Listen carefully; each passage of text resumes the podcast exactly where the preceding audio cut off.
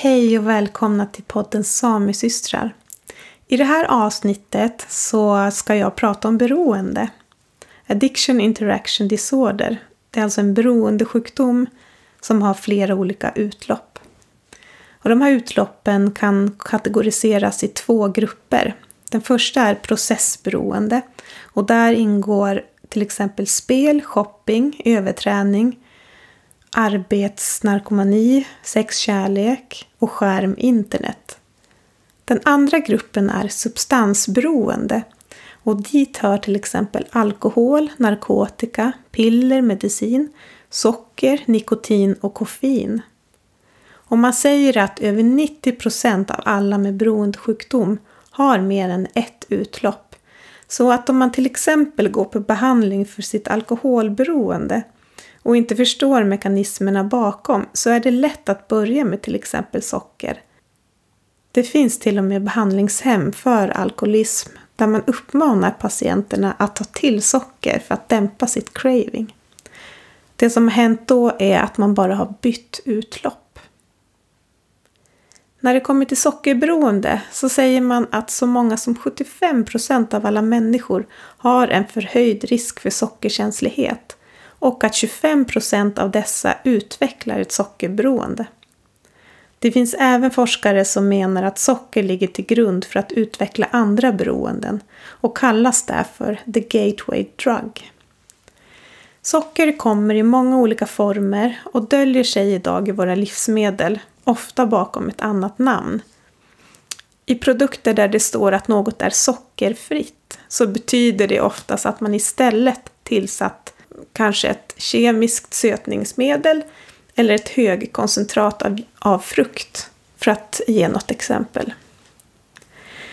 Det är ju också så att vi som människor måste äta flera gånger om dagen i jämförelse med till exempel alkohol eller narkotika som är något som våra kroppar faktiskt inte behöver för att vi ska överleva. Så därför kan sockerberoende upplevas som ett extra utmanande beroende att tillfriskna ifrån.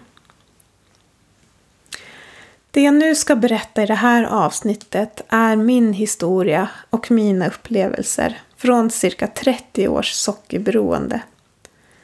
Jag använder mig av uttryck och ord som kanske kan uppfattas som stötande. Men jag vill inte lägga något filter på mig själv utan det är så här det har varit för mig och det är så här min hjärna har tänkt. Jag vill också poängtera att det ser helt olika ut för alla sockerberoenden och att det jag säger inte på något sätt är en sanning för alla andra. Och det jag har lärt mig om beroendesjukdomen är att det här är den enda sjukdomen där man själv ställer sin diagnos. Det finns ingen annan människa som kan göra det åt dig. Sjukdomen är tvådelad. Vi har den fysiska allergin och den mentala besattheten. Den fysiska allergin betyder att i mitt fall, när jag får i mig socker eller kolhydratrik föda, så reagerar min kropp och knopp på ett sätt som gör att jag inte kan kontrollera mitt intag. Jag vill bara ha mer, det finns inget stopp. Jag kan alltså inte begränsa mitt intag med hjälp av min viljestyrka eller egen kraft. Jag är helt maktlös. När det kommer till den mentala besattheten så tar det sig uttryck i att jag kanske efter några veckor, någon månad, kanske till och med ett års uppehåll från socker plötsligt får en fix idé att nej men jag tål nog att äta det här, jag kan nog äta socker. Vadå sockerberoende? Nej, det stämmer nog inte. Jag kan bara ta en bit och sen ska jag sluta.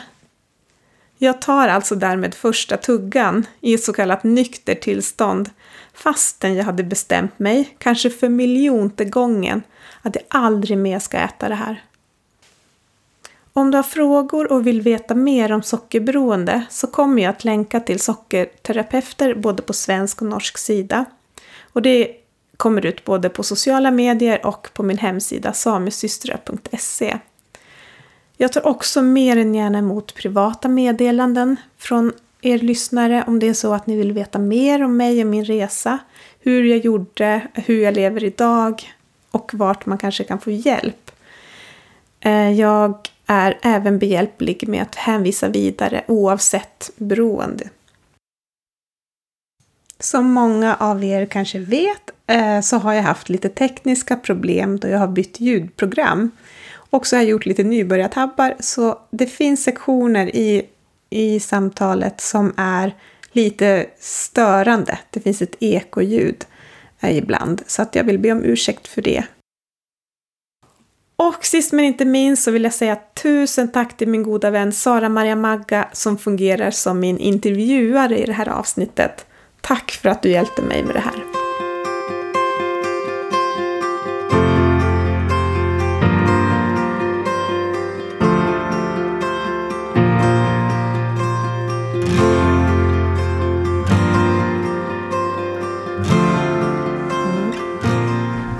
Lite omvända roller nu. Maria. Hur känns det här då? Oj. Mm. Ja, hur känns det? Jag är eh, lite skakig. Det är jag. Nervös, spänd, men väldigt glad. Jag tycker egentligen, egentligen tycker jag det är jättekul att bli intervjuad eh, av, no, av någon anledning. Um, mm. Men att prata om det här som vi ska prata om det är ju ganska... Ja, det är lite läskigt. Ja, kan jag tro. Jag vet ju inte egentligen vad du går igenom, men, alltså, eller har gått igenom.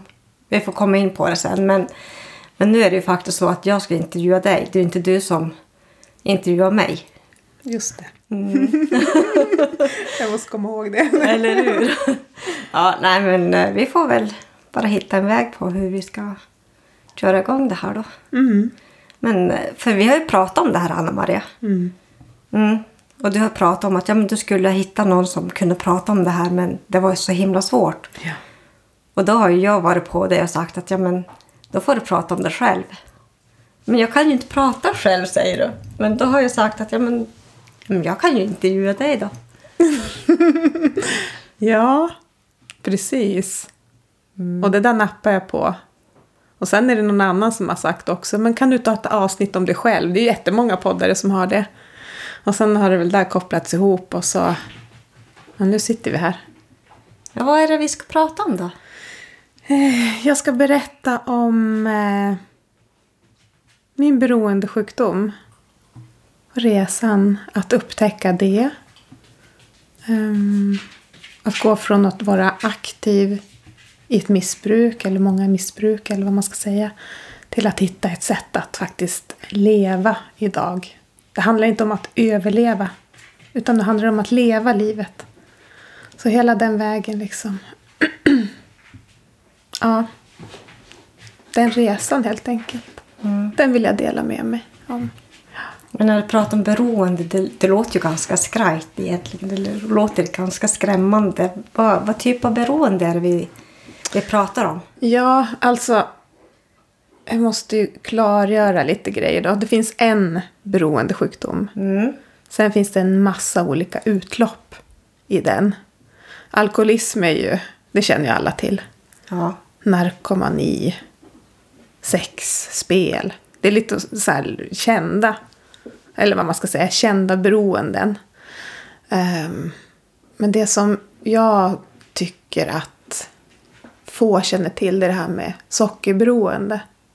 Eller matberoende, ett annat ord. Mat och socker. Ja, men det har man kanske också hört talas om. Matberoende. Eller, eller man kanske inte gör kopplingen mellan, mellan ett stort intag av mat och att det är ett beroende.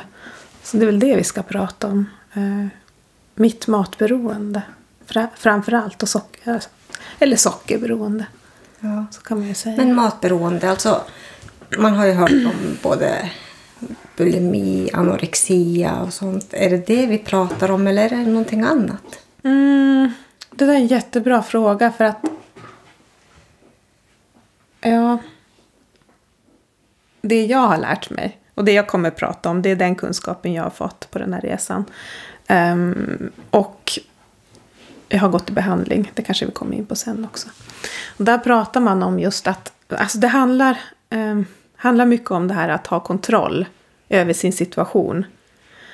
Uh, och det jag har lärt mig det är att anorexi det är en form av kontroll också. Kontroll av intag av mat. för att ja, kontrollera någonting. Och då väljer man att strypa allt. Då har man det som så här, tillvägagångssätt eller sätt att, att hantera sitt kanske matberoende. Då. Man stryper all, allt intag av mat. Så det, det, på den här behandlingen så säger man att anorexia det är en form av matberoende. För det handlar om kontrollen av intag av mat och den kan ju se ut på olika sätt. Antingen så bara äter man hur mycket som helst. Och för att det inte ska synas utåt så kanske man kompenserar på något annat sätt. Spyr, tränar jättemycket.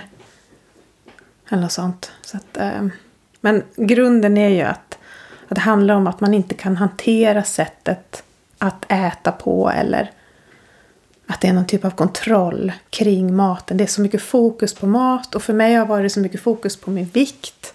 Jag måste kontrollera min vikt. Jag har liksom vuxit upp med att stå på vågen morgon, kväll.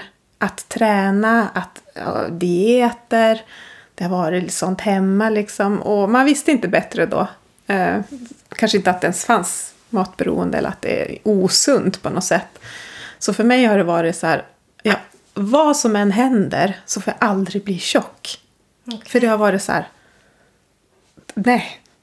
Så att då har jag ju. Om jag inte hade tränat som jag gjorde. För jag tränar för att kompensera mitt intag. Då hade jag nog varit jätte, jättestor idag. Men hur länge sedan du kom underfund med det att du har... Är det, eller kan vi säga att det, är du frisk nu? Eller ja, Ja, alltså. så Bero... att vi kan veta liksom på Ja, tidslinjen precis. vart vi är någonstans. Ja. För att eh, om jag ska säga att var eller är eller är det en sjukdom som man består i? Mm, nej, du blir aldrig liksom friskförklarad. Okej, nu är du frisk. Lev som vanligt, ät som vanligt, gå tillbaks till gamla rutiner. Så funkar det inte. Att vara beroende, att ha beroendesjukdom, det är liksom... Man blir aldrig frisk. Alltså det är någonting kroniskt. Sen kan man leva, lära sig att leva i det. Och jag lever i tillfrisknande idag. Och det har jag gjort i snart tre år. Wow.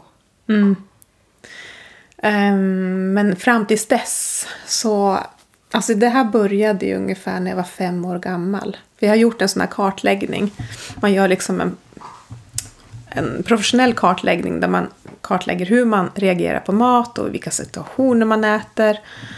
Ehm, äter man på känslor eller kan man kontrollera sitt intag och, och sådär.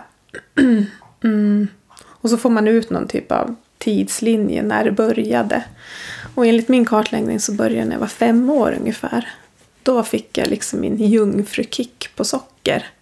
Och jag kan inte minnas exakt när, men alltså det är så att det, min hjärna reagerar annorlunda på socker, mat, alltså kolhydratrik föda kan man väl säga, än en vad, vad en normal hjärna gör. Så att eh, det finns liksom tre, tre olika typer av människor som man kan, kan kategorisera människor i. Du har de här så kallade normisarna, normal. Alltså de som äter så här, ja, som vanligt. Och det är inget, ingen big deal, utan ja, till exempel, eh, jag får lite sug på något, ja men då tar jag ett äpple eller en ruta choklad. Och sen är de nöjd. För mig har ju det varit så här, alltså hur är det ens möjligt? För mig är det alltid liksom hela chokladkakan och sen på affären och köpa tio till typ och bara mula. Det finns liksom inget stopp. Mm. Och sen har du andra kategorin som är skadligt bruk. Och det är en människa som överäter. Det kanske händer någonting, skilsmässa, dödsfall, vad som helst, blir av med jobbet. Vad som helst. Och då äter den människan på allt det här och kanske går upp 20 kilo jättefort. Och, liksom, och sen går till läkaren för att den börjar få följdsjukdomar. Och läkaren säger, men du vet, alltså det här intaget av bla bla bla, kanske du behöver lägga om kosten eller någonting. Och så går den människan hem och så bara, okej, oj, jag håller på att bli sjuk, jag får diabetes, hjärtkärl, oj. Eh, jag får nog ändra någonting. Och gör det, och klarar det. Och det kanske är lite tungt i början, men det är inga problem. Och kan leva så då. Och sen äta lite på fester och periodvis och så. Och sen har du den tredje personen, eller kategorin, och där hör jag in. Och det är att jag kan inte. Hur mycket jag än vill, hur mycket jag än har försökt med olika saker så kan jag inte sluta när jag väl har börjat. Och det är att vara beroende. Jag är helt maktlös inför, inför intaget av mat.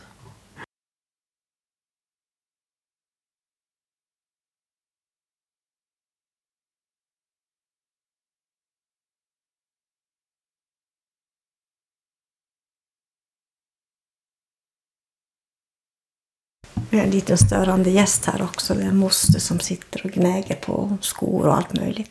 ja, jag glömde bort det. ja, men vi pratar först och främst om matberoende det här då. Ja, jag ja, tänker och det. socker. Socker, matberoende, Ja. lite samma. Men det är ganska tabu. Eller hur är det egentligen? Alltså jag tänker idag i det här samhället som vi lever i. Eh, så är det ganska... Alltså man pratar öppet om mycket. Men är det här tabu att prata om? Eller är det någonting som det är okej att prata om? Alltså det känns ju som ett tabu. Mm. Eh, för att jag tror många också eh, kopplar ihop matberoende, alltså typ att alla överviktiga människor har ett matberoende. Och det är jättekänsligt att prata om vikt med folk. Och eh, men lättare om en människa är supersmal, då är det som att det är helt okej. Men oj vad du är smal. Alltså, ja. men om någon är lite överviktig, alltså man, inte pratar man om det heller. Nej, kanske Men- inte, inte framför person. Kanske mer dold bak ryggen. Eller? Ja, det tror jag. Ja. Men vi pratar om det här. Du är ju inte jätteung längre. Nej. Beroende på. Nej, men, och- men i alla fall när du pratar om perspektivet från, alltså att du har gjort en kartläggning sen, alltså, och det här är sen du var fem år och till idag då så, så är det ganska många år mellan. Ja, det är säger så. Men, men hur, först och främst, hur gjordes den här kartläggningen? Ja, men om vi backar lite. Vem, vem gör det? Alltså, Ja, precis. Det finns ju lite olika sätt. Men jag är- fyller 38 så att jag har ju då för tre år sedan var jag 35 eller ja, något sånt. Så att jag har ju levt aktivt i ett missbruk i, vad blir det då? Jag kan inte räkna nu men 30 år av mitt liv. Um, och hur kommer man på att man är matberoende? Alltså för mig så har ju det... Jag upptäckte väl det kanske för tio år sedan. Måste det ju bli. Oj, här går det undan. Ja. För då läste jag min Bachelor. Jag var 27 när jag började med den. Året, alltså då hade vi en tjej i klassen. Som väldigt fort så gick ut och sa jag kan inte vara med på fikat. För att jag sockerkänslig. Tål inte socker. Och jag bara oj, jaha. Så vart vi vänner och vi pratade lite. Och, men hon sa aldrig någonting om mig. Så berätta hur det var för henne. Och jag tänkte, gud vad tufft. Oj, oj, oj, oh, så här. Ehm, det är viktigt att komma ihåg också alltså, att det här är förnekelsens sjukdom. Det är ju många av de här beroendesjukdomarna, det är väl en förnekelse. Jo, jag tror det. Vem vill erkänna att man är helt maktlös och inte kan kontrollera intag av alkohol eller mat eller så. Det är ju så mycket skam.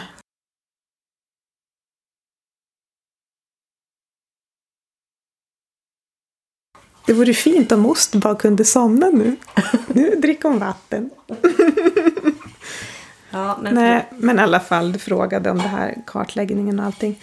Så på den vägen var det när jag lärde känna den, den tjejen. Eh, hon ställde lite frågor till mig så här. Mm, hur går det för dig att äta frukt och sånt där? Och jag bara, det är inga problem. Eh, och någonstans där också när jag var 27 så har jag alltid varit intresserad av hälsa och äta hälsosamt och liksom sunt och träning och rörelse och personlig utveckling och allt sånt där. Eh, så att jag har ju hela tiden så här sökt kunskap om olika saker och velat laga mat från grunden och eh, sådana saker. Men hade aldrig snubblat över det här med sockerkänslighet. Um, Men hon ställde lite frågor till mig och så året efter så av någon anledning så...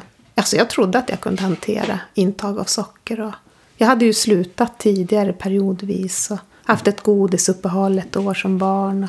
Det var ju inga problem, men jag åt ju andra saker istället.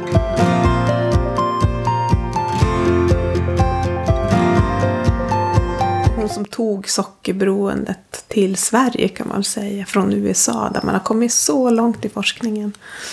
Men i alla fall, hennes bok läste jag, eh, eller hade den i min hand och så läste jag första sidorna och så bara grät. Det var som att läsa mig själv, för hon är själv tillfrisknad sockerberoende. Och jag bara oj, oj, jaha, oj. Är det därför jag aldrig har kunnat sluta? Eller kunnat äta normalt eller inte kunna hålla mina så här, löften till mig själv om att eh, på måndag ska jag sluta. När jag har tränat, då får jag äta. En månad utan socker. Bla, bla, bla, bla. Massa olika sådana här försök liksom att äta normalt. För att det kändes ju som fruktansvärt att gå runt liksom hela dagen. Nu slår upp i ögonen så bara, åh, vad ska jag stoppa i munnen nu? Frukost, alltså allting kretsar kring nästa måltid. Eller nästa mellanmål eller... Alltså jag har inte kunnat så här slappna av utan det bara... Vad ska jag kunna äta? Vad ska jag äta idag? Och, och kommer hem till någon så bara undrar om de har fika. Vad finns det i deras kyl? Och liksom skanna, skanna, skanna. Oj, där ligger en chokladkaka på bordet. Jag kan inte ha ett normalt konversation för jag tänker bara på den chokladkakan. Jag har varit helt icke-närvarande i livet känns det som. Det har varit som en jakt hela tiden på drogen hela, hela tiden. Från morgon till kväll. Fruktansvärt. Ja. Jag tänkte precis att ställa fråga dig att, ja, hur har det påverkat ditt liv? Alltså när du om vi nu går tillbaka till du kom underfund med det att du har det. Men alltså när du kom underfund med att du är det. Hur, vad gjorde du då? Eller hur? Mm. Tankar? Ja. Vad, kan du berätta? Jag var väl 28 då kanske, säger det. Läste de där sidorna och bara... Jag kapitulerade direkt. Alltså det fanns... Alltså alla mina försvar, allting, det bara föll på plats. Och jag bara okej. Okay, här är lösningen för mig. Det måste vara det här. Och det är det här. Okej, okay, vad gör jag nu? Eh, det tog ju flera år. Alltså om jag, om, jag, om jag var 28. Jag försökte ändå i flera, flera år till. Sju år till då. Med olika strategier. Och, och så tänkte jag liksom. Okej, okay, jag vet att jag är sockerberoende. Jag förnekar det aldrig. Men jag tog inte hjälp. Um, jag tänkte hela tiden att jag tar det sen. Sen, sen. Jag har inte tid nu. För jag tänkte att jag skulle åka på behandlingshem då. Ehm, och det kostar pengar. Jag kanske inte hade ekonomi. Jag var student. Det passar inte in i tid. Och jag bara, nej men tar det sen, sen, sen. Livet rullar på. Åren går master, hoppa på den utbildningen, jag var och reste. Alltså det var hela tiden något annat. Um, och det kan ju vara så också att jag skyllde på det. För jag ville kanske inte ta itu med det. För då visste jag att när jag väl börjar då är det no return. Och jag vill, det okända är skrämmande. Och ska jag bli en sån där som bla bla bla. Jag hade väl någon föreställning också om att livet skulle bli så tråkigt. Och jag ville festa och jag ville resa och äta gott och sådär. Fira med mat och det har man ju alltid gjort hemma. Så. Samhället gör ju det. Så det är ju normalt. Men... Eh, ja, så att det tog många år och så plötsligt, jag vet inte vad du frågade men jo, hur det var innan då. Nej, det kanske var en tidigare fråga. Men jag var ju, hade kommit till Tromsö. Och när flyttade jag dit då, 2019. Så jag hade en månad där. Innan jag fick jobb och grejer. Jag bara flyttade dit. Eller om jag hade varit där ett år redan och kom tillbaks. Så kan det ha varit. Jag minns inte. Plötsligt så kommer det upp på Facebook en annons. Sockerskolan.se. Är du sockerberoende? Joina vårt gratis webbinar imorgon. Och jag bara, ja just det. Jag är ju sockerberoende, det hade jag glömt. Ehm, det hade jag glömt eh, i mastern när jag höll på att läsa den. När Chichi vart sjuk och gick bort. Och jag typ blev utbränd. Ehm, och skulle ta mig tillbaka och fixa mastern. Och sen blir Acho gamla och dör samma år. Och det är begravning på begravning och Chichi var sjuk. Och, alla. det var så mycket och jag bara åt på allting för att klara av det. Men tänkte någonstans hela tiden att Åh, jag får ta det där med sockerberoende sen, men nu klarar jag inte det för nu är det så mycket. Och, jag, oh. och det är ofta så man säger också, resonerar i hjärnan. Idag förstår jag ju att det hade klarat allting mycket, mycket bättre om jag hade varit i tillfrisknande. Men fullt aktiv i, i ett missbruk, då, det går liksom inte. Um, men i alla fall där i Tromsö så såg jag det där webbinariet och så bara okej, okay, it's sent from above. Det är klart, ja, jag anmälde mig och så där någonstans så bara under det webbinariet så bara okej, okay, jag gör precis vad de säger. Jag har tid nu, jag har pengar. Okej, okay, jag gör allt Sockerskolan säger. Så jag anmälde mig på nystart första datumet som fanns för jag var livrädd för att ångra mig. För att inte liksom, för att hitta en ursäkt. Ännu en ursäkt att inte börja den här resan. Ehm, så jag anmälde mig, fick gå något som heter nystart. Ehm, jag tror till och med veckan efter. Och vi gjorde kartläggningen och det var svart, alltså det fanns inte tvivel om att det här är beroendesjukdom. Att jag Så på det webbinariet, i, i den anslutning att du också fick hjälp med kartläggning som, mm. som vi pratade om? Ja, Precis, för mm. Sockerskolan de erbjuder ja, en massa olika behandlingar eh, för sockerberoende. Och eh, det är självfinansierat. Det finns ingen hjälp att få i sjukvården inom det här. Det är inte accepterat. Det är inte, god, det är inte en godkänd beroendesjukdom om man kan säga så. Mm. Men det är ju en sjukdom och sen en massa utlopp. Så den är inte godkänd. Där, därmed inte subventionerad av vården. Och det sa du också här att, eh, att, att man inte frågar om hjälp. Eller får hjälp. För att det här är ju också att du läser den här boken. Mm. Du kom underfund med själv att du var det. Alltså mm. du gjorde den egen diagnos på dig mm. själv. Uh, men det var ingen andra i din omgivning som, som såg att du var sjuk eller som förstod. Ja, förutom den här uh, medstudenten som du pratade om då. Men alltså i dina närmsta omgivning. Det är vanligt att, mm. att man i sin närmsta omgivning är någon som pikar på att ja men hörru du, du mm. eller ger lite så här mm. feedback på någonting.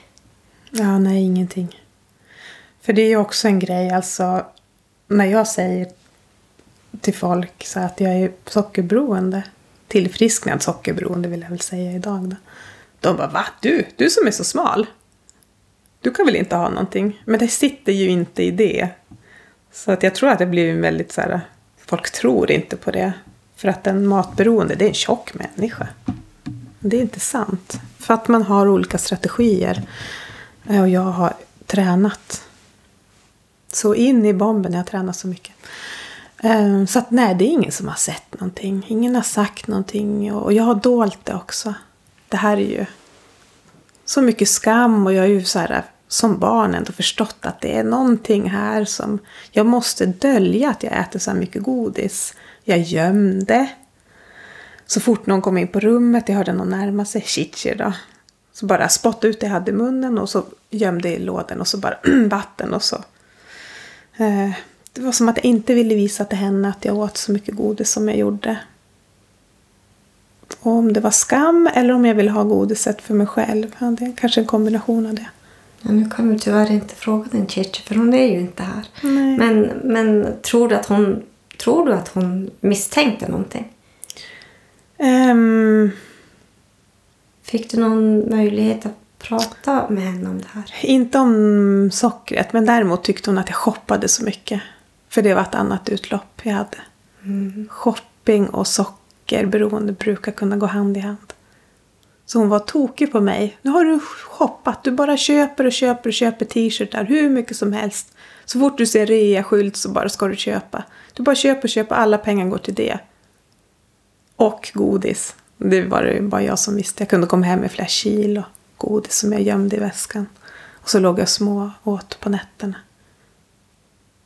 Nej, så att det var, det var det hon upptäckte. Hon tyckte att jag shoppade för mycket. Men jag hade, det var samma där. Jag hade ingen liksom kontroll över det. Så fort jag såg rea och handlade upp alla pengar direkt.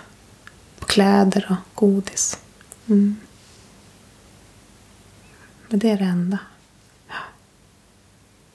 Ja. Men den här tillfrisknaden, hur, hur kan du säga det själv?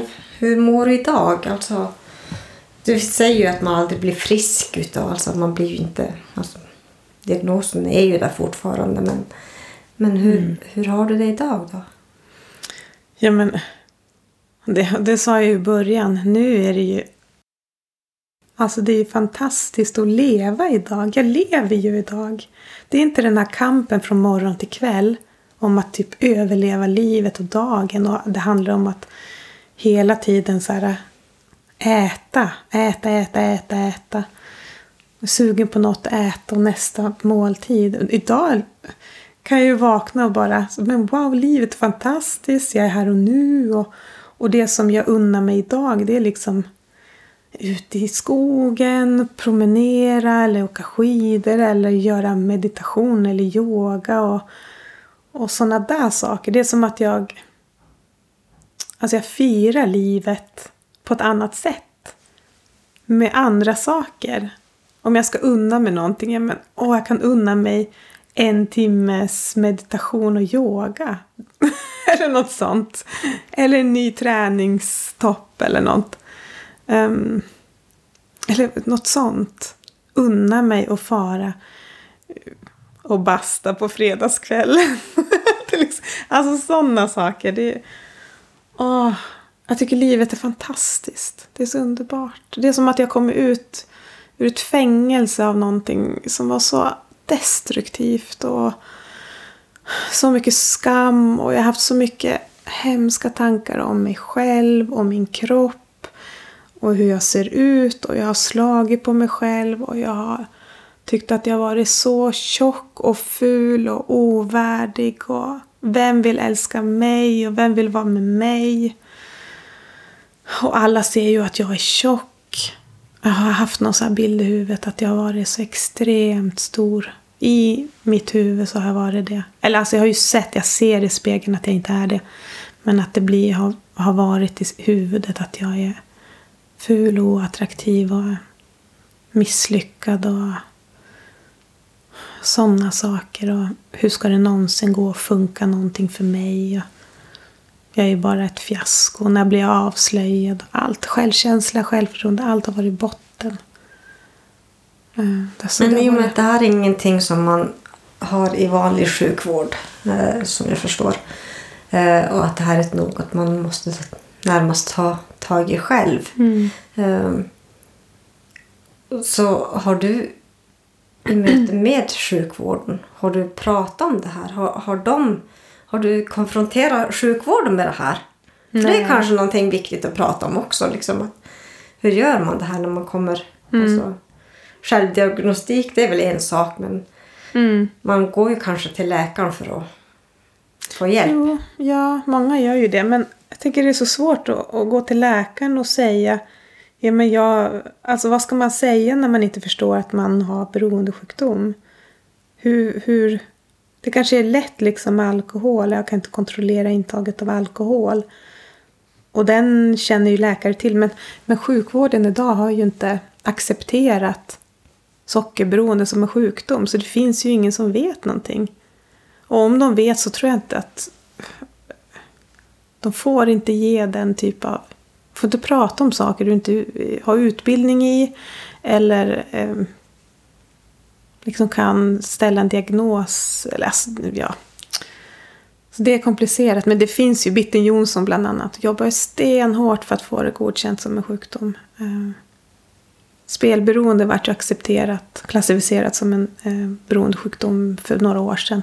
Så att det blir ju fler och fler. Och det, jag tror att det är en tidsfråga innan matberoende också. Man ser skillnad i Norge och Sverige. Vars I Norge har man ju sockerskatt inte Ah. i Sverige. Jag tror att det är någonting som kan vara bakom där. Att det är förståelse eller en viss dragning åt att... Ja, alltså jag har ju mina teorier och det är stora krafter i samhället. Du har livsmedelsindustrin som pumpar ut dålig mat, halvfabrikat, socker och allt. Och tjänar enorma pengar på att folk äter sånt. Och det är billigt att framställa. Det är klart att man inte vill... Eller alltså, vem vet? Pengar, money talks. Alltså lite så är det ju. Eh, sockerskatten, eh, om det skulle påläggas en sockerskatt så är det ingenting som hindrar en sockerberoende. Det spelar ingen roll vad det kostar. Du måste ha din drog. Så det är ju inte ett sätt heller. Det, det är ju... Det kanske avskräcker de här som har ett skaligt bruk att gå ner för att det blir för dyrt. Men för en beroende så spelar ju det ingen roll vad det kostar. Det är en intressant fråga. Alltså hur mycket kostar det dig? Alltså, Gud, pratar vi om ja. pengar? Alltså, Nej, det vet jag inte. Men jag kan ju, för, alltså jag, för det är en period i livet som jag verkligen minns eh, väldigt tydligt. Hur jag kunde äta på en dag. mm. Vad åt du? Ja, vad åt jag? Kan du berätta? Ja. Morgon till kväll. Och, jo, då kunde en dag se ut så här. Till frukost då. Ja, kanske börja nyttigt med yoghurt och frukt och flingor. Flingor är inte så bra, men så bra. Och jag håller mig, frukosten funkar. Så kommer jag på skolan och där. Det går bra. Så kanske hem och lunch och äter lunch. Och, och den är ganska nyttig också. Kanske, inte vet jag, stekt kött och ja, ris eller någonting tyckte jag var nyttigt då. Eller ugnsgrönsaker eller någonting. Ja, whatever. och sen där började det fallera. Klarar inte längre. Några timmar klarar jag liksom att äta nyttigt. Um, det kanske går i skolan, lunch bland folk. Kommer hem där ingen ser. Och jag vet att jag ska vara ensam hela kvällen. Går på affären, handlar ett kilo rostlimpa, juice,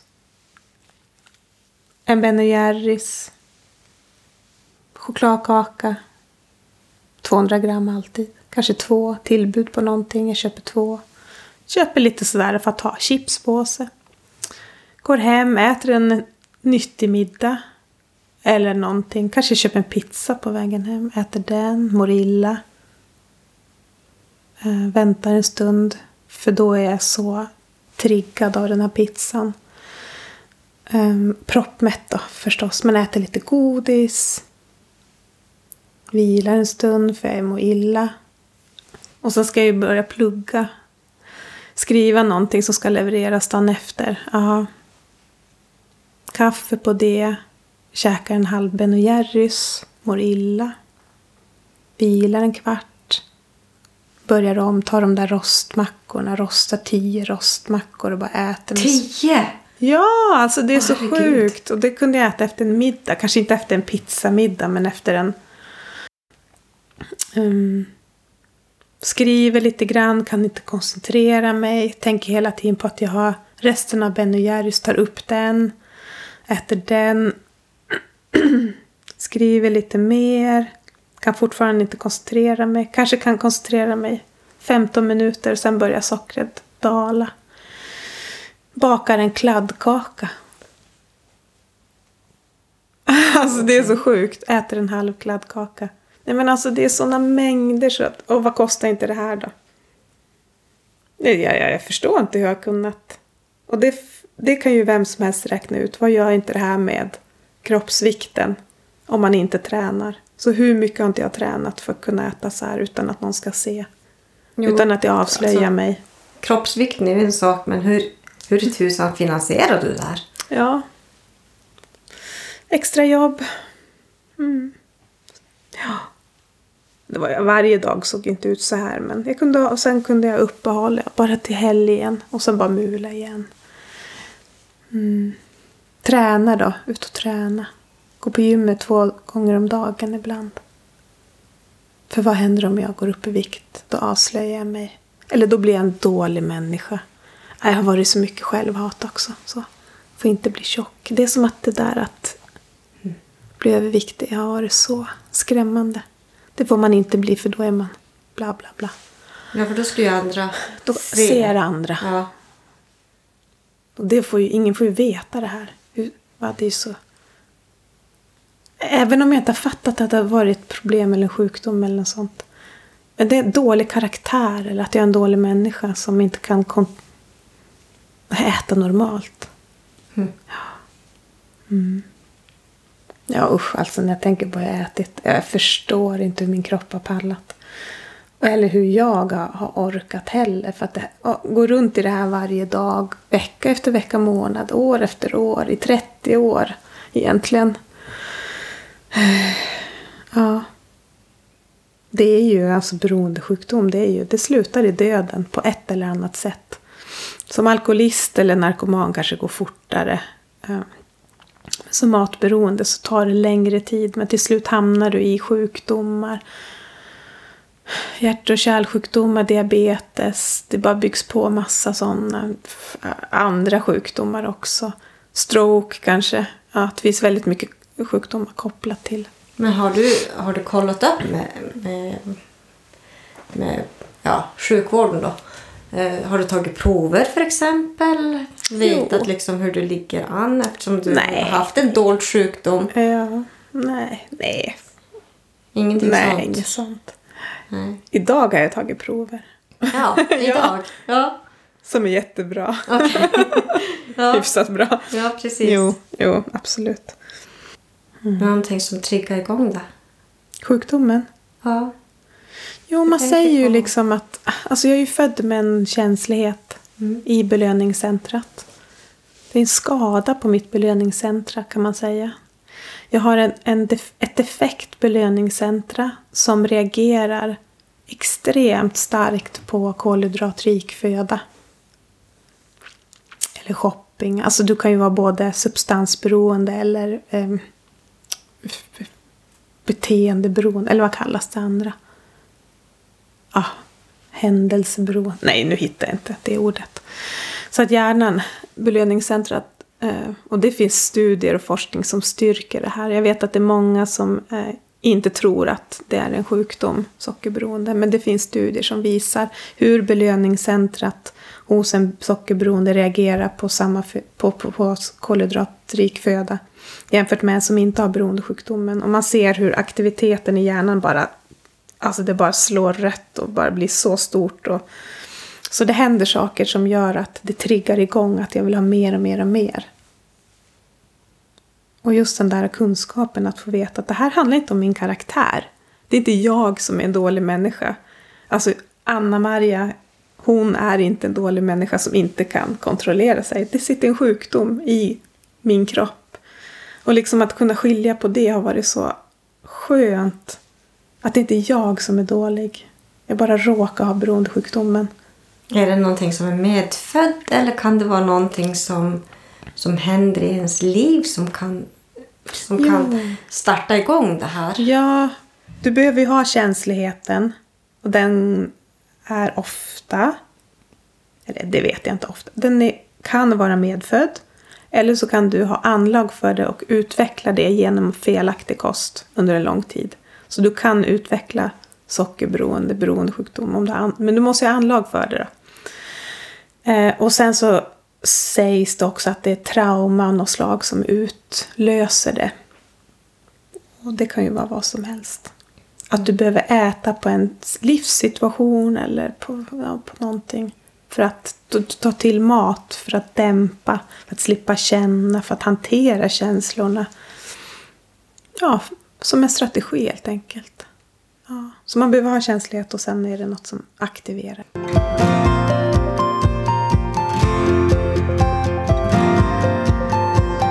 Den här tillfrisknandet idag när, när du säger att livet är bara glatt och allt är bara bra. Inte alltid, men... ja, inte alltid men alltså var. Men, men jämfört då med Men när du var sjuk då? Mm. Det här, det här är ju någonting som du har tagit dig ur själv.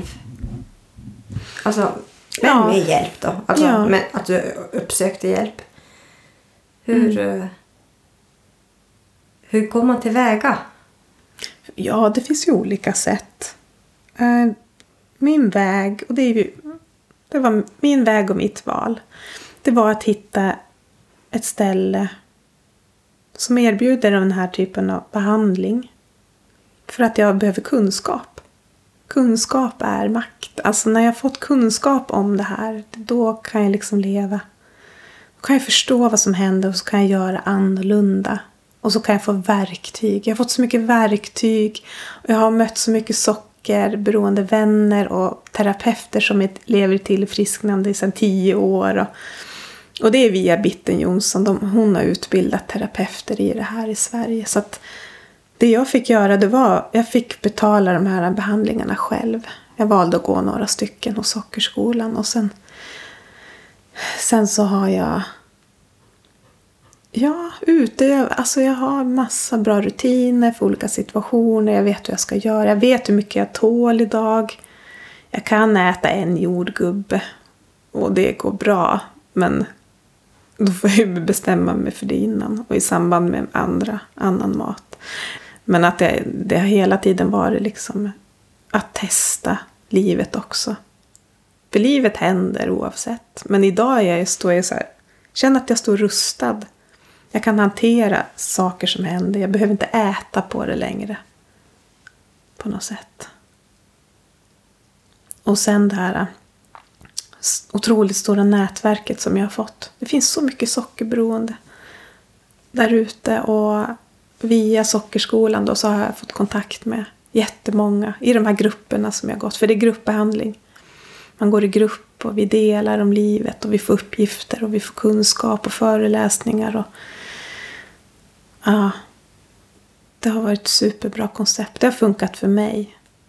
Och sen så kanske man inte har råd. Eh, Då kan man ju söka andra vägar. Och, Ja, för det här kostar givetvis pengar. ja, det är ganska dyrt. Ja. klubbar. ja. Eller så dyrt. Det beror på vad, Ja, alltså. vad är relativt Mm. liksom. Precis. För mig var det värt varenda krona. Det Ja. har ju varit billigare än att äta som jag har gjort. Det tror jag.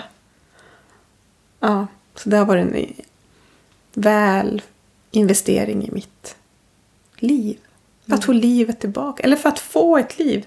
Alltså jag har ju älskat mitt liv innan också. Tyckte att jag haft så roligt och Men i jämförelsevis, det är verkligen så här Anna-Maria före och Anna-Maria efter.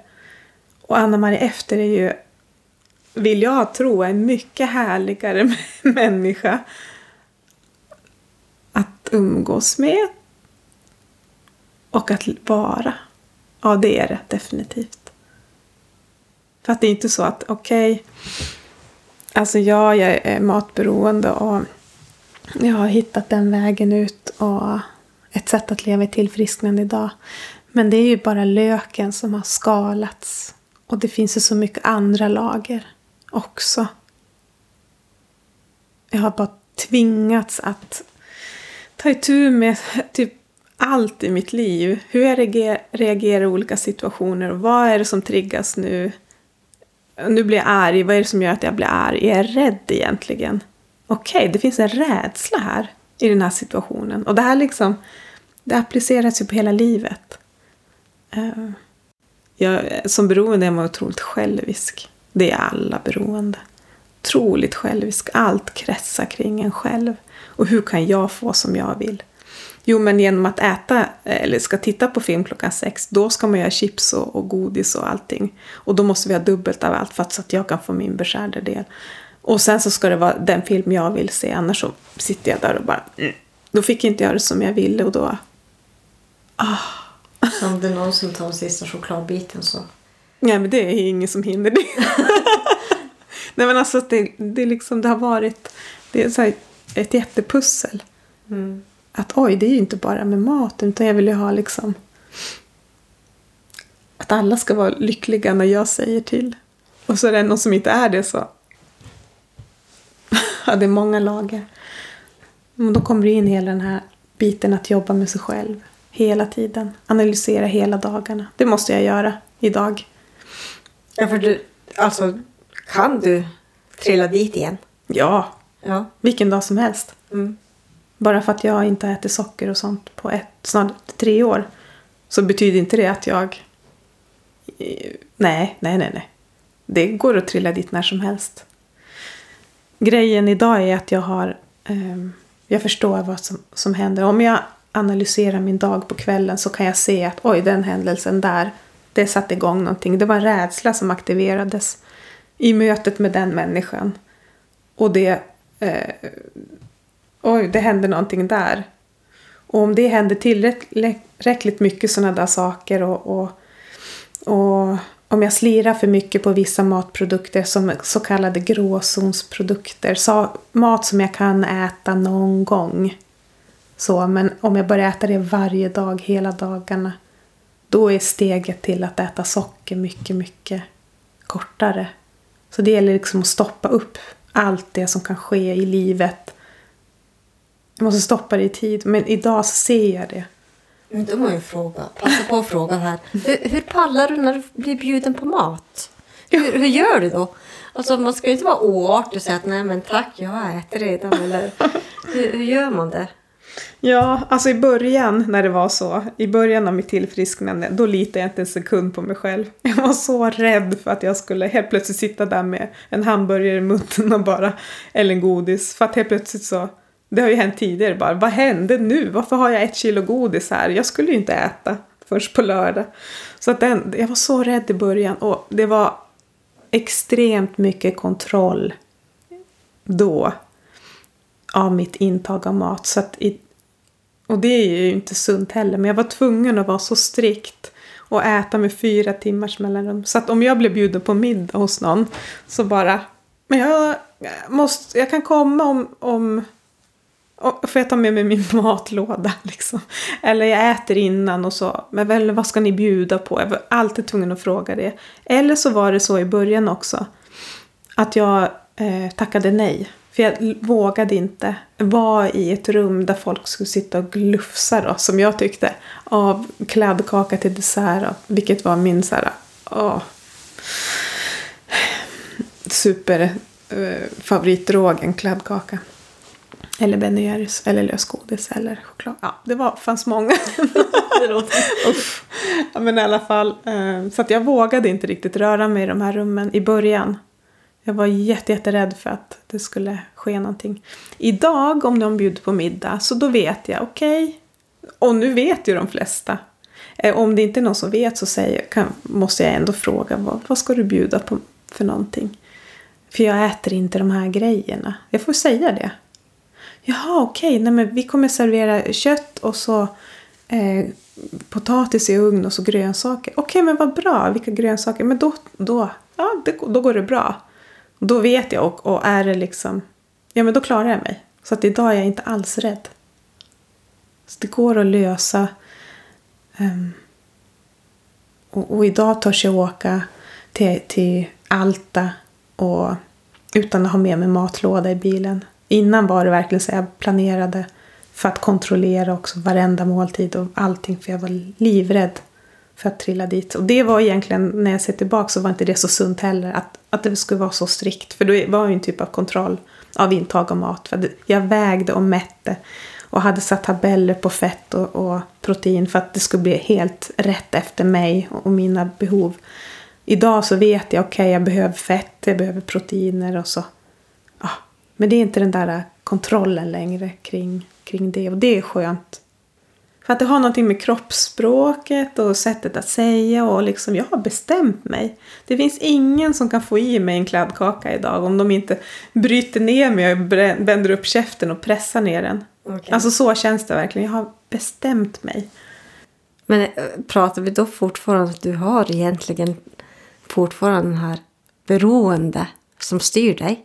Eftersom att du har kommit dit att du kan bestämma dig för så. Även om vi pratar om det tillfrisknad. Ja. Kanske en svår fråga, Anna. Hur menar du? Vill du utveckla det där? Jag förstår inte riktigt. Ja, om vi säger så här att du har ju faktiskt ganska bra kontroll. Mm. Och, och beroendesjukdomen så är det ju kontroll vi pratar om. Mm. Du kontrollerar ju fortfarande stenhårt. Jo, okej. Ja. På ett sätt. Men alltså jag tycker jag gör det på ett sunt sätt. Det är det. Det känns friskt och, och härligt och blått inom mig. Alltså det, är en känsla inom mig som är på ett annat sätt nu. Ja. Du är inte stressad utav den känslan. Nej. Det är liksom en, en, du har en avslappnad... Ja. Nej, men det är just det att det känns ostressat. Det är bara så det är. Anna-Maria hon äter bara det här. Mm. Och jag äter jättegod mat, så det är inte det. Jag äter ju så god mat och jag äter rena produkter och jag är frisk. Min kropp är frisk. För det är ju också en grej också som har hänt. Eh, Jag hade otroligt mycket grejer förut. Problem i kroppen och magen och allergi. Alltså jag var, det kliade på hela kroppen. Jag hade ledvärk. Jag kunde inte sitta, stå eller ligga. Jag visste inte vad jag skulle göra. Jätteproblem med magen. Svullna upp av allting. Panikångest, light version tror jag. Jag har inte de här kraftigaste men mycket sånt. Andningsnöd kunde jag vakna med. Jättemycket infektioner, alltså svampinfektioner i underlivet. Vilket också är jätteskamligt att säga i radio eller här i podden. Men, men det, det var också en sån där grej. Så fort jag liksom fick en sockergrej i munnen så bara poff sa det så hade jag en svampinfektion. Och jag höll på att bli helt desperat. Men eh, kunde ju inte sluta med sockret ändå. Fastän jag hade alla de problemen. Endometrios är jag diagnostiserad med. Har varit på kontroll och de bara, eh, nej, det... Vad har du gjort? Allt är borta, det ser normalt ut. Wow, så Ja. man kan bli frisk alltså, Ja, av andra sjukdomar ja. också. Alltså. Alltså det är ju en superbonus Mm. att ha blivit frisk. Förklarad från så kallade kroniska sjukdomar. Jag vet Narkolepsi. ju att du hade narkolepsi. Ja, precis. Jag skulle Precis, narkolepsin. Ja. Född med den. Diagnostiserad med denna kroniska sjukdom som aldrig kommer bli bättre eller sämre. Den kommer vara så. Och det är därför alltså jag blir lite så här kronisk sjukdom, that's bullshit. Alltså jag har ju läkt bort en, en sån så kallad kronisk sjukdom. Men beroendesjukdomen är ju det är en kronisk sjukdom. Så att det är lite sådär. Det blir lite... För den går inte att läka bort helt och hållet på samma sätt. Men man kan leva med den. Ah, ja, den är lite undantaget. Enligt mig och min uppfattning. Men just det där att ha blivit frisk i kroppen. Det är fantastiskt. Och blivit fri i massa... Åh, en massa grejer. Det är ju... Åh. Alltså det är ju en sån morot också att fortsätta. Jag vill ju vara frisk. Jag vill ju hålla. Jag vill inte få de här välfärdssjukdomarna. Jag vill göra allt jag kan för att inte få dem. På något sätt.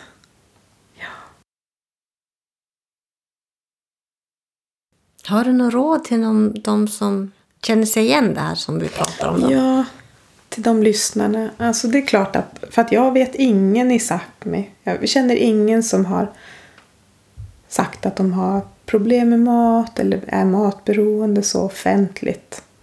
Så att eh, någonstans känner jag, det är också en del av mitt tillfrisknande. Jag vill berätta om de här sakerna. För om jag kan hjälpa någon, om det är någon som lyssnar och känner igen sig. Så om det bara så är en person så är det värt allting. Då berättar jag gärna offentligt. Um, ja. För det behöver pratas om just det här. Mm. Och om det är någon som känner igen sig och tänker men oj vad ska jag göra? Men skriv till mig då. Det går. Och, men då blir man ju inte anonym. Så är det ju. Men det går ju att googla. Sockerberoende, Bitten Jonsson, Sockerbomben, boken. Du har tolvstegsprogram för sockerberoende, matmissbrukare. Det finns jättemånga terapeuter, det kommer fler och fler. Ehm, Jag skulle rekommendera att ta den vägen och inte via sjukvården. För där är det inte accepterat. Du ska ha sån otrolig tur om du möter en läkare som är insatt och som så här lite i smyg kan säga men mm, kolla upp det här med sockerberoende. Så den vägen rekommenderar jag inte. Det kanske har förändrats nu, det vet jag inte. Jag har inte själv ens testat. Men jag har ju hört historier att man får ingen hjälp. Jo, ätstörningsenheten har jag testat och sökt hjälp hos tidigare faktiskt. Och de bara, vi kan inte hjälpa dig så länge du inte äter kolhydrater. Du måste äta kolhydrater om du ska få hjälp hos oss. Så, och jag bara, va? Hur kan ätstörningsenheten inte ha koll på sockerberoende? What? Nej, alltså det... ja, men det är ju några år sedan. Mm. Så jag vet inte hur det ser ut idag. Det kan ju ha hänt saker. Men jag skulle ha, ha gått den andra vägen. Mm. Och det är jättefritt fram att kontakta mig. Alltså jag eh, för ingenting vidare så. Det är också en sån princip. Mm. Och hjälper gärna till att svara på frågor och dirigera. Och även om man har andra beroenden. Alltså jag har kontakter inom alltså inom andra mm. beroende gemenskaper. Mm. Precis. Mm. Ja. Så vet jag inte tips till andra. Alltså hur, hur kan man börja prata mer om det här? Vi får väl se. Mm. Om det kanske kan det leda till någonting? Vad sa du? Kan det leda till någonting? Alltså, vi hoppas ju att det här, ja. det här samtalet kan leda till någonting. Ja, mm. exakt. Mm. Mindre tabu. Ja, vi lyfter det är tabu. Ja, ja, det är det. Ja. Vi lyfter locket nu av matberoende. Och andra beroenden också. Jättetabu såklart. Ja. Mm. Det är inte du som person som har är dålig för att du inte kan kontrollera utan det sitter i ditt belöningscentra. Det är där problemet sitter och det finns behandling för det och hjälp att få. Och man behöver inte gå ett helt liv och leva så här som jag har gjort i 30 år. Alltså vi behöver inte det. Det finns hjälp för alla beroenden, alla utlopp. Finns det mer som du vill tillägga, Anna, som vi inte har pratat om, som, inte, som jag inte har ställt frågor om? Åh, vad kan det vara? Ja, men det är en, en grej som jag vill säga och det, det är så många som kan säga så här, men åh stackars dig, du får inte äta det. Och, för det handlar ju om att äta. Men varför får du inte aldrig mer äta det? Och då tycker folk synd om mig. Och jag kände bara, men wow, jag har ju vunnit på lot, Lotto. Alltså jag har ju upptäckt det här och jag får äta och vara fri. Och jag behöver inte vara fast i det här helvetet som jag har varit i. Jag slipper ju det. Det är ingen, det är ingen synd om mig någonstans. Alltså det finns inte. Så sluta, sluta tycka synd om mig. Nej men alltså jag förstår att det är av omtanke och, och, för, och det är väl oftast folk som inte har beroende som säger de här sakerna. Alltså den här eller som någon... kanske inte är medveten om sin beroende. Så kan det också vara. Ja. Mm. Eller den som kan äta en ruta choklad och bara njuta totalt. Men för mig blir det bara, ah, det blir bara kaos, det blir inget bra. Så att eh, jag tycker att det har, har blivit det är så mycket fördelar med att ha beroendesjukdomen. Jag har fått fördelen och förmånen att djupgräva i mig själv och lära känna mig och hitta mig. Så att oh, det är bara fantastiskt. Det fanns ju en jättehärlig tjej där under. Du har gjort en, en resa. Ja. ja.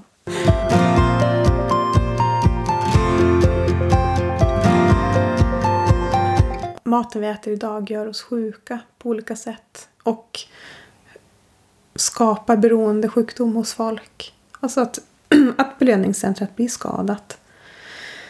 Så jag tycker det är jätteläskigt när man tittar på utvecklingen med, med mat liksom. Ehm, och så. Men sen är det ju det där att det ska till något trauma. Det är det jag har lärt mig. Det är något som ska trigga igång det där också. Men om man ser på samhället idag, det ska gå snabbt och folk ska kunna tjoff, tjoff, tjoff, jobba, vara effektiv, eh, produktiv och det är allt som ska göras på väldigt kort tid. Vi har lika mycket tid idag som vi hade för hundra år sedan men det ska göras så mycket, mycket mer. Och hur ska man orka det? Ja, snabba kolhydrater. Äter någonting i, i farten. alltså, så att jag tycker att hela hur livet ser ut på, på jordklotet är ju upplagt för att folk ska utveckla beroendesjukdom också. Eller ett beroende av mat eller vad det nu kan vara. För att liksom komma undan, för att orka med. För att stressa av sen på kvällen efter en hektisk dag. Eller för att klara av att ha hundvalp eller barn eller skilsmässa eller dödsfall, sjukdom. Och hur orkar man med? Alltså vad lär vi oss? Vad får vi för verktyg idag i livet? Uh, hur hanterar vi livet idag? Ja men snabba kolhydrater och telefonberoende. Så många som är telefonberoende. Och där sliter jag ju själv också. So sociala medier och kickarna därifrån. Um, det vet jag inte om man behöver vara beroende för att bli mobilberoende. Det har jag ingen aning om. Det, det, kan jag inte. Men så att det är liksom upplagt för att få de här snabba belöningarna, dopaminkickarna öppna Instagram, se en massa likes. Tjoff, där fick du det på en gång. Alltså du behöver inte kämpa för det längre idag. Äta en whatever från 7-Eleven. Tjoff, där fick du belöningen. Direkt till hjärnan.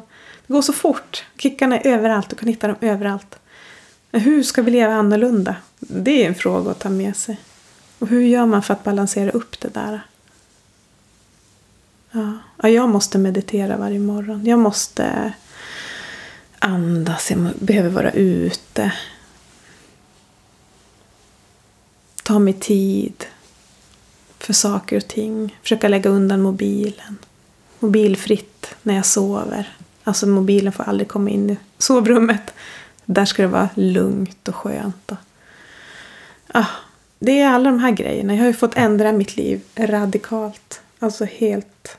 Från att ha så här ibland festat varje helg rest kors och tvärs och tjoff tjoff tjoff och Paris och bla bla bla. Festivaler. Alltså det har varit så här i, i ett gått, livet har gått i hundra knyck och da da da da da få orka med. Ja men Red Bull, bla bla bla, socker, allt för att kunna leva där uppe på något sätt. Och hur gör jag idag? Alltså det är så annorlunda, mitt liv är så annorlunda. Men det handlar om balansen där. Mm. Och jag upptäcker att ja, jag var livrädd för att, åh oh, gud, när jag blir nykter eller så här, hur ska livet, vad tråkigt det blir då. Och då känner jag bara, åh, oh, det är så lugnt och skönt och härligt och jag vet precis när jag har för mycket intryck och då behöver jag balansera med det här. Och, oh, det är fantastiskt. Ja. Mm. Men en grej som jag vill tillägga för du frågade det här om, om är det ingen som har sett någonting hemma eller mm, misstänkt någonting och sådär. Eh, och den är ju lite... Det är, det är det som är med, med just att, att överäta mat och socker och sådär. Det är inte... Hade jag haft så här tio spritflaskor så, och då hade jag blivit full och snubblat runt. Och, då hade ju Chichi märkt det om det var så. Eller om jag var hög på droger. Alltså det ser ju folk på ett annat sätt. Eh, men att äta massa godis och socker, det har ju premierats. Det var ju det man gjorde liksom. Fira med mat och så. Så den är så svår och lurig tror jag. Hur mm. ska man se det? Hur ska man upptäcka det som förälder eller som syskon? Eller? Alltså vad är det man ska titta efter?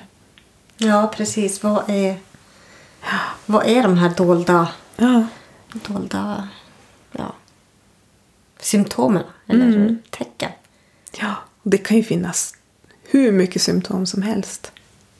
Depression, nedstämdhet, viktuppgång, viktnedgång, övertränar eller något sånt. Petar i maten men går ändå upp i vikt. Alltså det ju, mm. kan vara så mycket. Skulle du önska att det var någon som i ditt tidigare liv hade konfronterat dig med det här? Eller är det något... Ja, det vet för. jag inte. Där och då så hade jag nog bara blivit arg. Ja. Vadå, jag har inga problem. Vadå, jag är ju inte tjock. alltså mm. så. För det har varit som min mätstock. Att övervikt, då är man matberoende.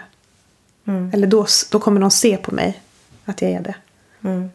Men det är aldrig någon som har sagt någonting. Alltså, och så har jag sett ut ungefär så här som jag gör nu.